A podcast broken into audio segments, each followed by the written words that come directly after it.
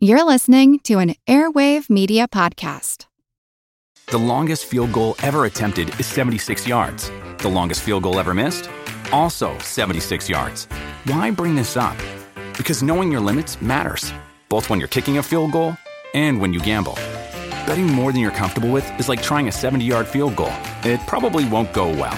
So set a limit when you gamble and stick to it. Want more helpful tips like this? Go to keepitfunohio.com for games, quizzes, and lots of ways to keep your gambling from getting out of hand. Another day is here, and you're ready for it. What to wear? Check. Breakfast, lunch, and dinner? Check. Planning for what's next and how to save for it? That's where Bank of America can help. For your financial to dos, Bank of America has experts ready to help get you closer to your goals. Get started at one of our local financial centers or 24-7 in our mobile banking app. Find a location near you at bankofamerica.com slash talk to us. What would you like the power to do? Mobile banking requires downloading the app and is only available for select devices. Message and data rates may apply. Bank of America and a member FDIC. This is Kick-Ass News. I'm Ben Mathis.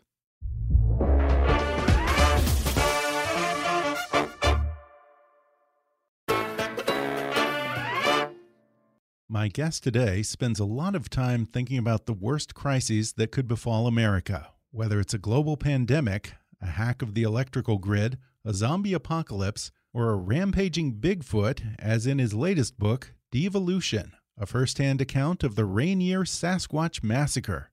If there's a consistent moral to the books of Max Brooks, as well as his graphic novels and even his work with groups like the Modern Warfare Institute at West Point, it's that people in the 21st century are getting soft and exchanging resilience and know how for technological convenience. A trade off that may not serve us very well when we're put to the test in a true emergency such as the one we're in right now with COVID 19. And today, Max Brooks returns to the show to discuss what a fictional Sasquatch massacre can teach us about the perils of eco utopianism, those people who still refuse to wear a mask in public, and what happens when man encroaches on nature. He talks about his childhood fascination with the legend of Bigfoot, his hatred for the 1987 movie Harry and the Hendersons, and how his research into great apes informed his take on how Sasquatches might behave if they were threatened. He also recalls his brief stint as a writer on Saturday Night Live, how his mother, Anne Bancroft, inspired his love of science and research, and how his dad, Mel Brooks, and the late Carl Reiner got each other through quarantine. Coming up with Max Brooks in just a moment.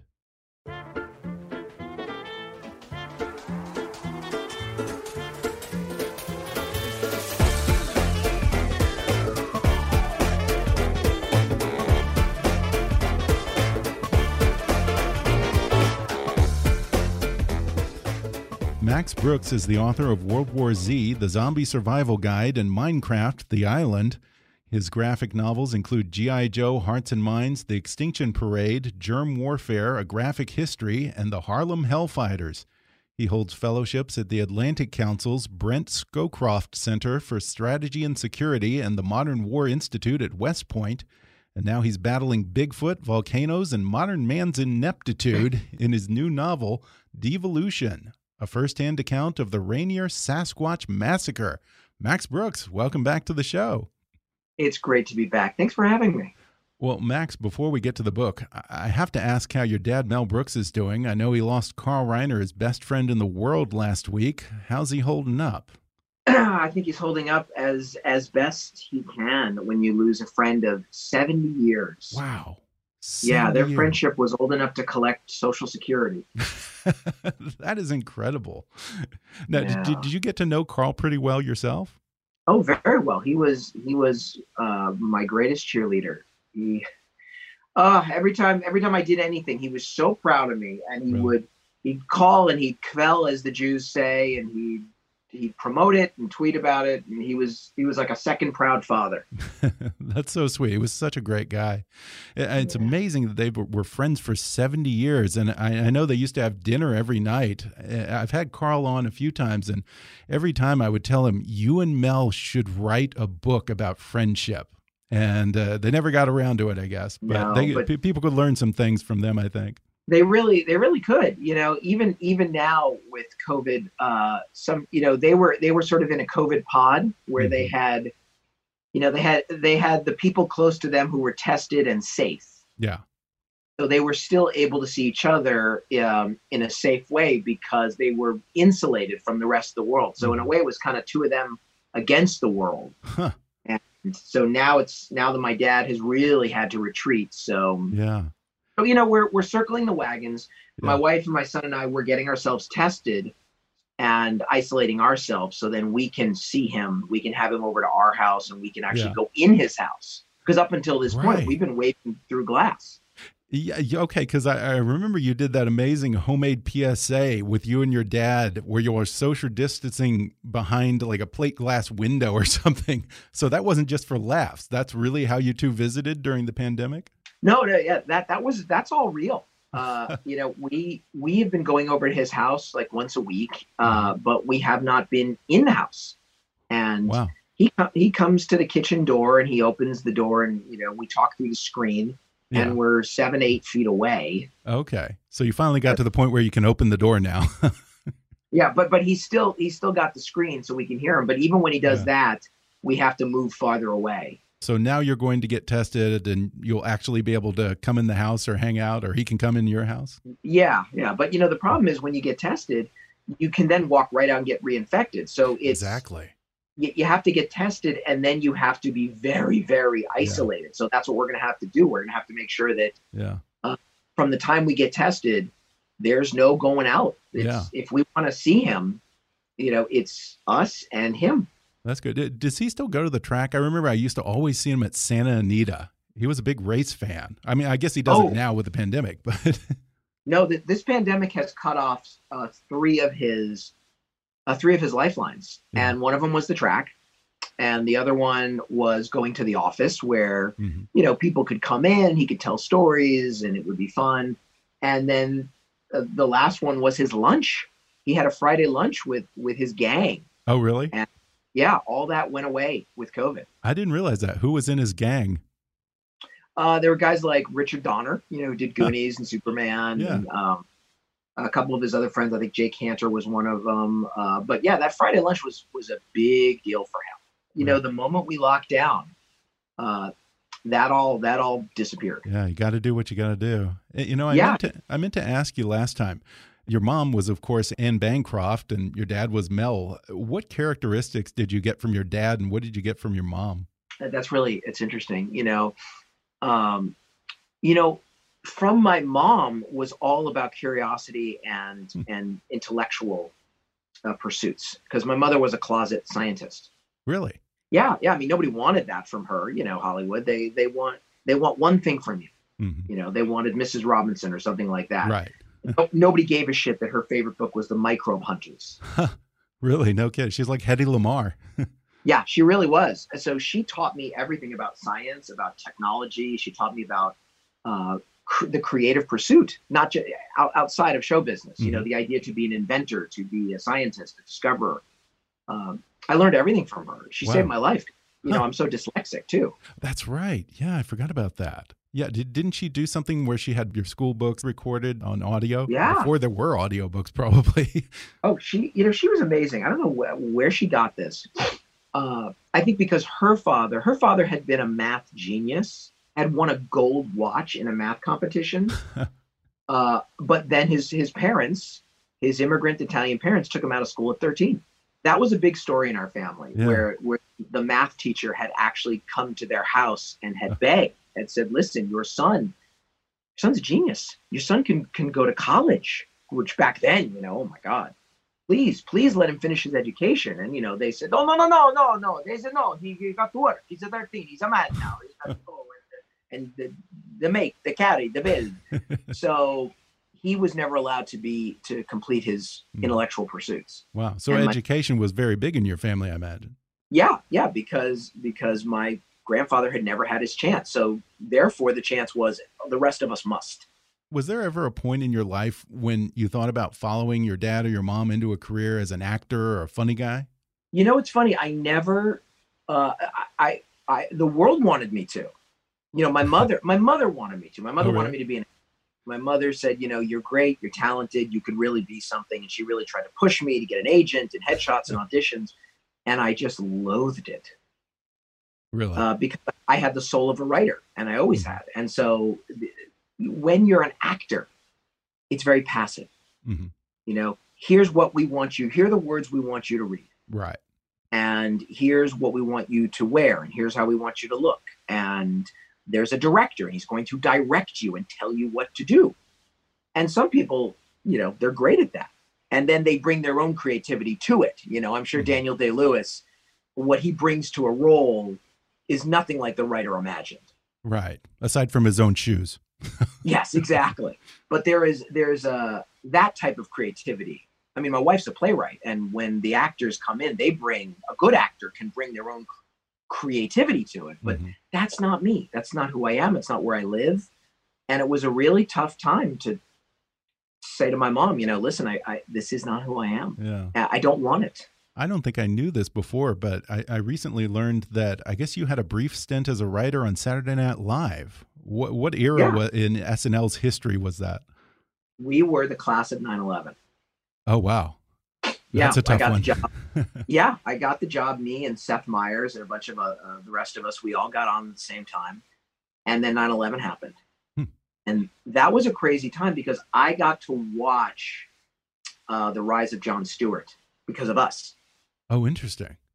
Yeah, we blew it, and and I'll be very honest about that. Yeah. Was the country shifted overnight, and we didn't. We did not adapt. Uh, we Right. stuck with this very sort of safe 1990s pop culture formula, and the country moved on. They were hungry to process what was happening, and because we weren't there for them, and because Bill Maher had been taken off the air, there was this this ingenue, this guy Jon Stewart, who took over this little fledgling show called The Daily Show, and woof, he filled the void magnificently. And, and you know, I always love to ask SNL cast members about their initial one-on-one with Lorne Michaels because I never hear a story and think, okay, now I understand Lorne Michaels. What makes him tick? I found his rosebud. Instead, uh, Yeah. they only reinforce the enigma.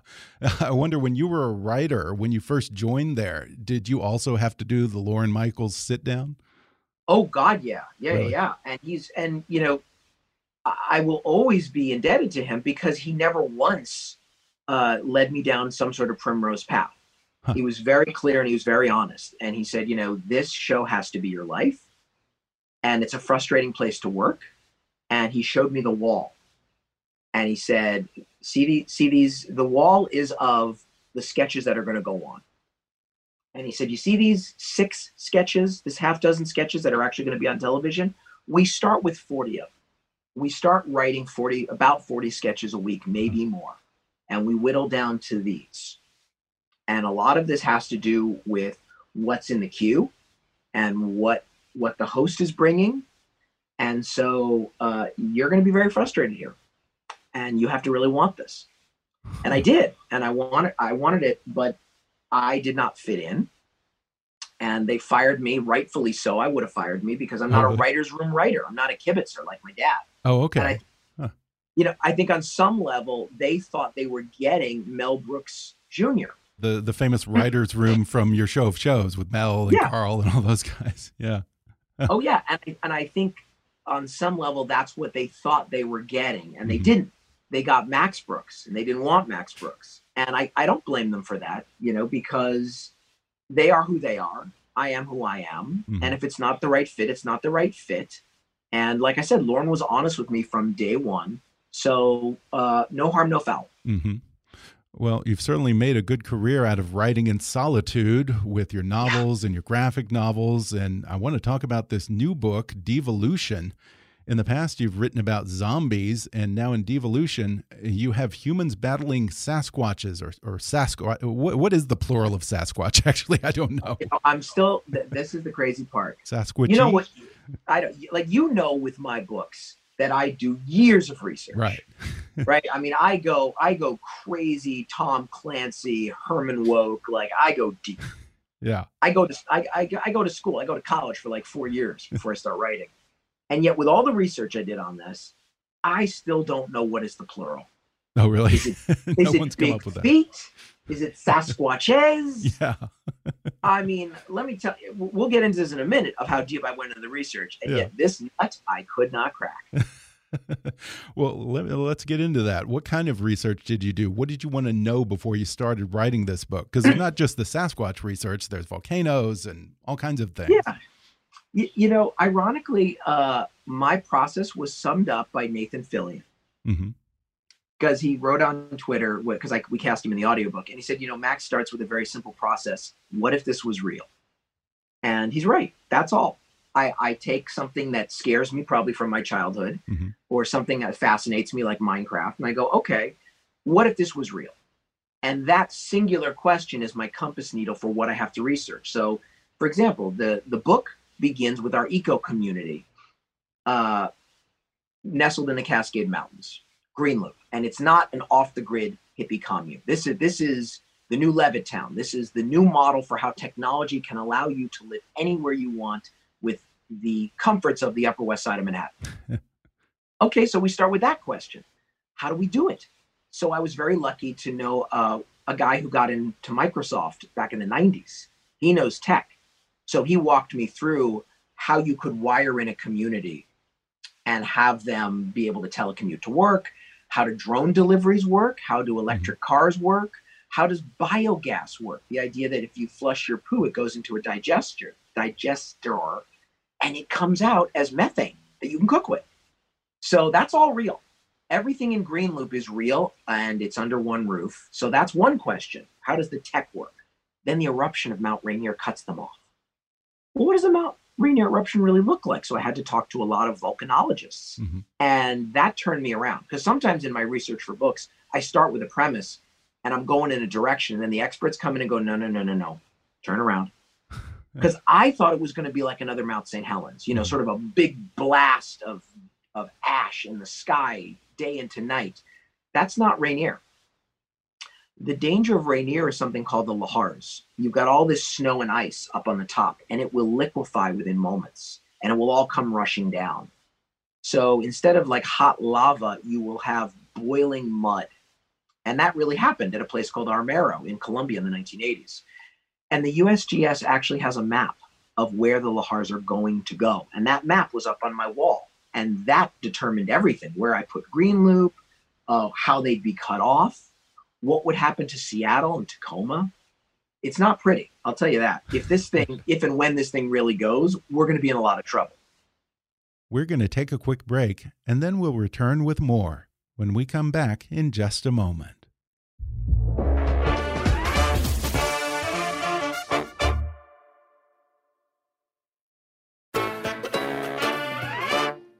And I understand that you based this community of Green Loop on a real, not a commune, but uh, some kind of a eco utopian community, right? Oh yeah, oh yeah. Now these, the real community is not as high tech as Green Loop. In fact, mm. I think the people of Green Loop would look down on these people. Okay.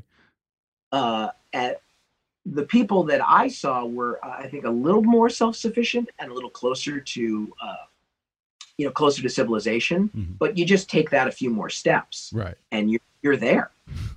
Yeah, and it's interesting because uh, it sort of highlights one of the great paradoxes of environmentalism, which is that the whole ecological movement it's not really driven by mountain men living in the Alleghenies, living off their wits with nothing but a gun and a dog. it's disproportionately made up of city dwellers like you and me. And I doubt yes. that most of them would have any idea how to survive in the wilderness, how to tell poisonous berries from good berries, or how, how to field dress a deer if they had to.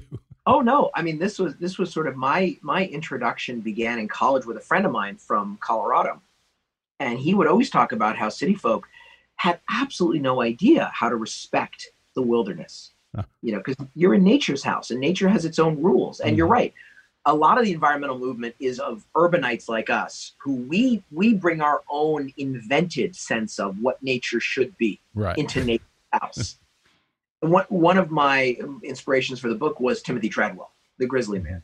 Mm-hmm. Oh yeah, yeah. You know, the, the guy who decided I'm going to save the bears. And he was this ex junkie from Venice Beach, and he would go up to Colorado. I mean, not Colorado. He'd go up to Alaska, and he would he would break the law, and I think he would go live in the bear preserve, and he would film himself like he thought he was David Attenborough with the bears, and he would name them, you know, like Mr. Chocolate, and it was cute and fun.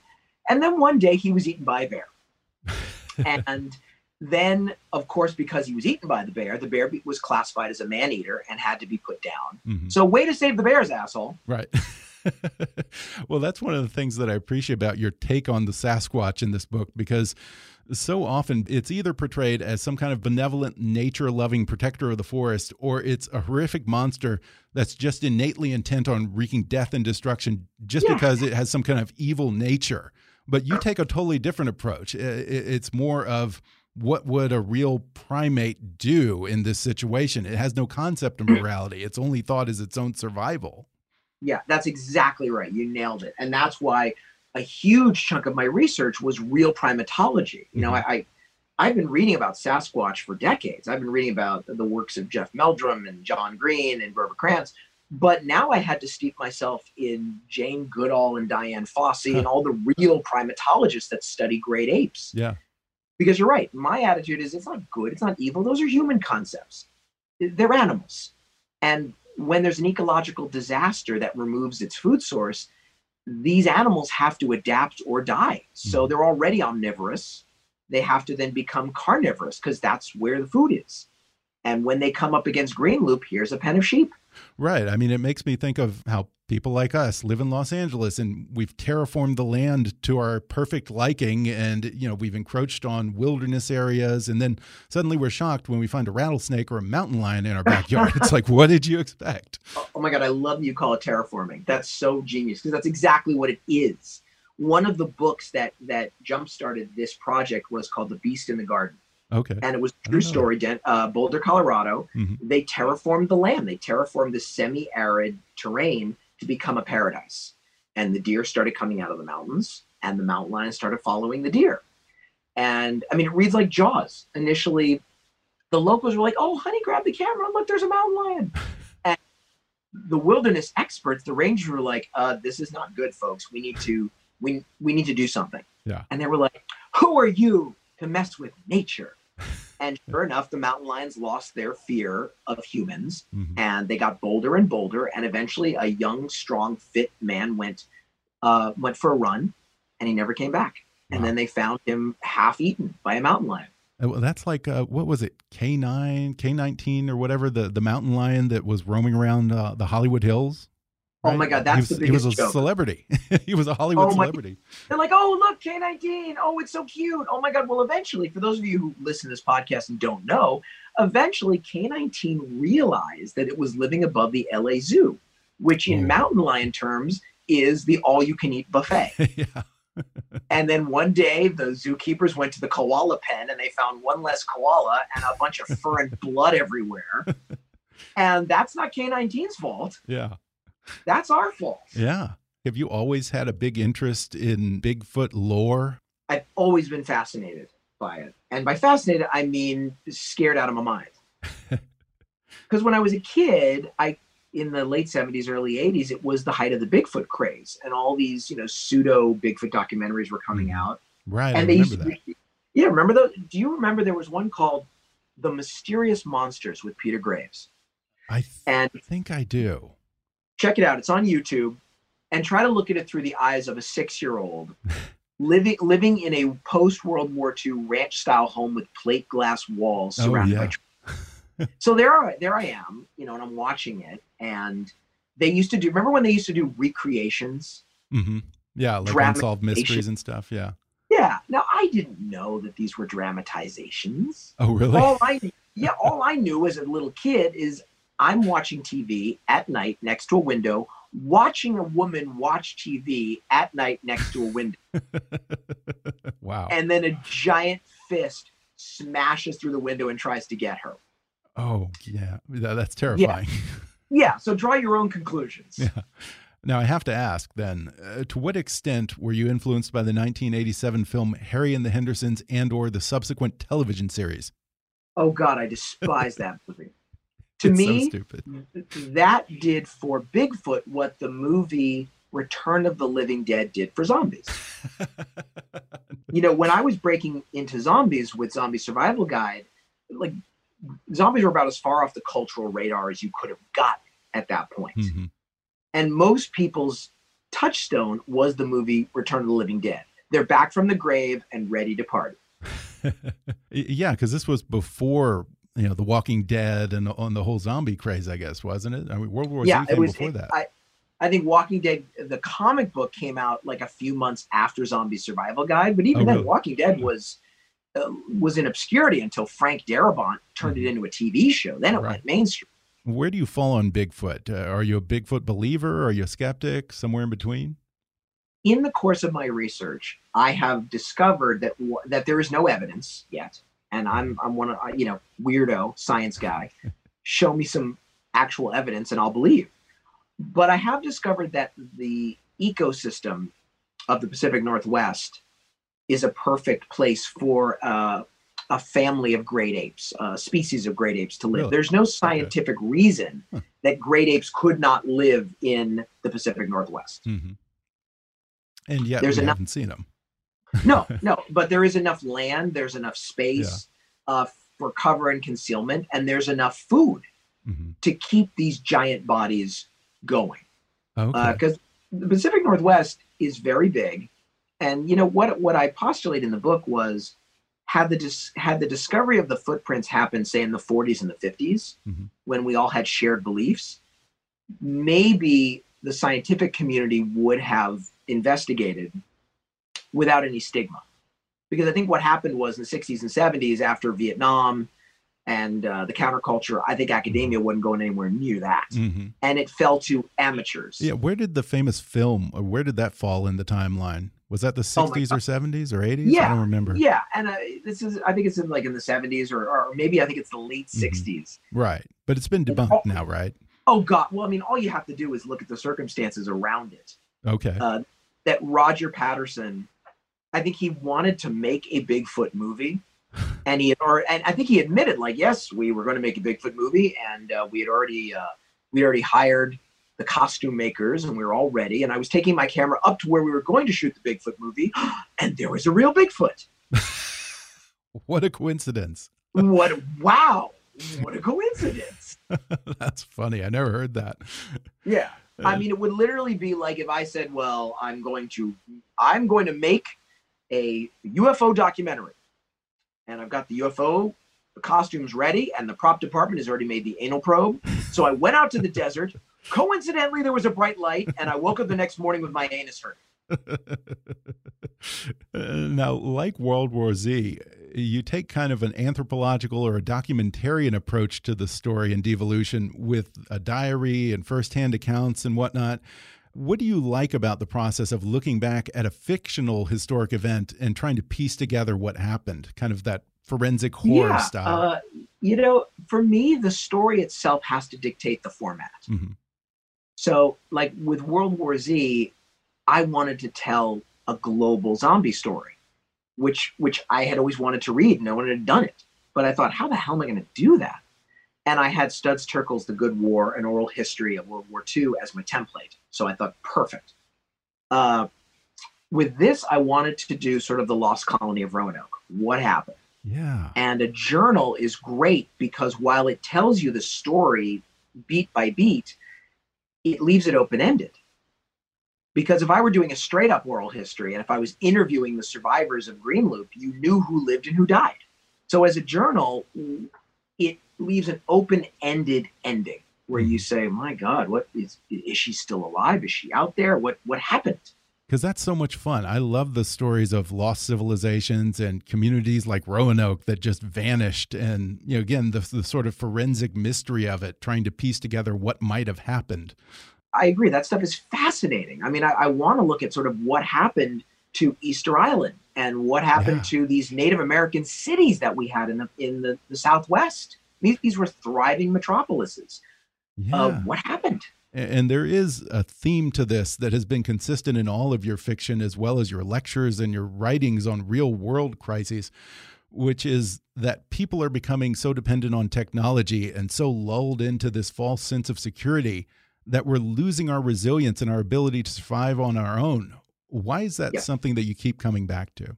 Oh, I mean, I'm always I'm always obsessed with what can go wrong because I see times I've lived too long. I'm only 48, but in my short life, I've seen so many crises kill so many people Mhm. that were so preventable. You know, there, there are times when a crisis comes and you're just not ready and you don't know what you're doing. And it is a failure of imagination. Mhm. You know, 9 11, that hadn't happened before. And, and, I can excuse the folks in charge thinking, well, that would never happen because that's human psychology. But look right now, we've 131,000 Americans dead of COVID 19. So preventable, Yeah. easily preventable.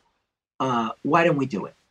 And so I'm always obsessed with that. And I love to, well, I don't love, I fear when I study crisis. And I always want to try to teach crisis prevention. But Mhm. if you do it in a lecture, if you do like a TED talk and you wag your finger, uh, you're either going to bore people to death, uh, put them to sleep, scare them away, or piss them off. but if you just tell a great story and you bring people on a ride, and if you infuse that story with actual facts, maybe some people will learn something. Yeah, so much of your work involves envisioning global crises and taking them to their direst imaginable outcome. It must be a hell of a thing to constantly be thinking about the worst possible scenario. Do you consider yourself an anxious guy or a worrier? No, I'm the reverse. Really? This goes back to your question about what I learned from my parents. Research calms me down Mhm. because then I know what I'm dealing with.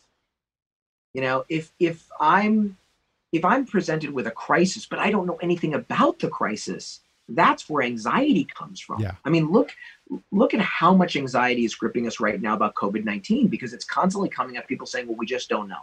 We don't really know the transmission rate yet. We really don't know the death rate yet. We really don't know the long term side effects yet. Uh, you know, a lot of people with SARS came out of it with horrible lung damage, permanent lung damage. Yeah. Is that the case here? We just don't know.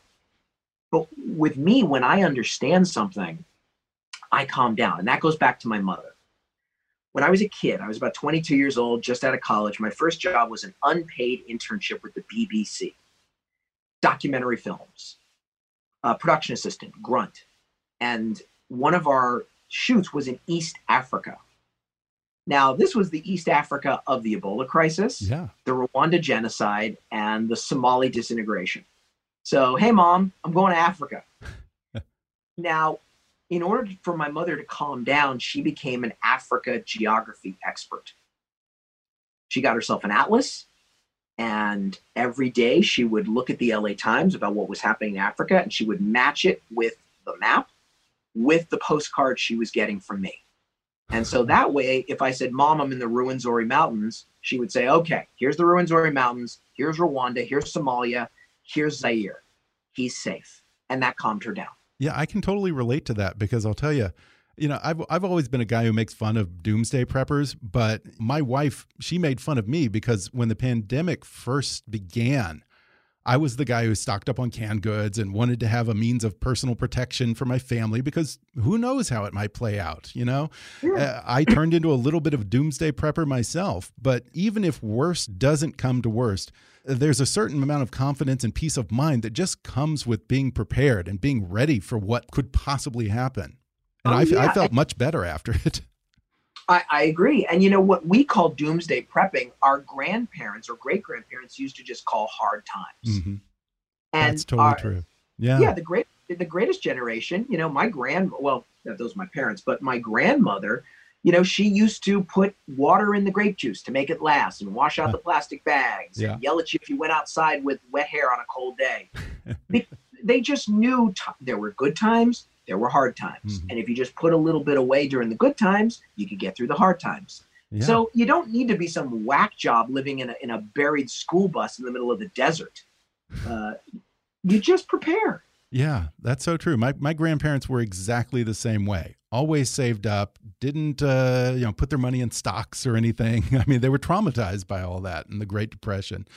And, and there's a great quote in the book when someone in Greenloop warns another character, "Injury turns you from a giver to a taker." What a great lesson for this moment that we're in. I mean, don't you wish that all of these people who are being so reckless and cavalier about the coronavirus would take that to heart?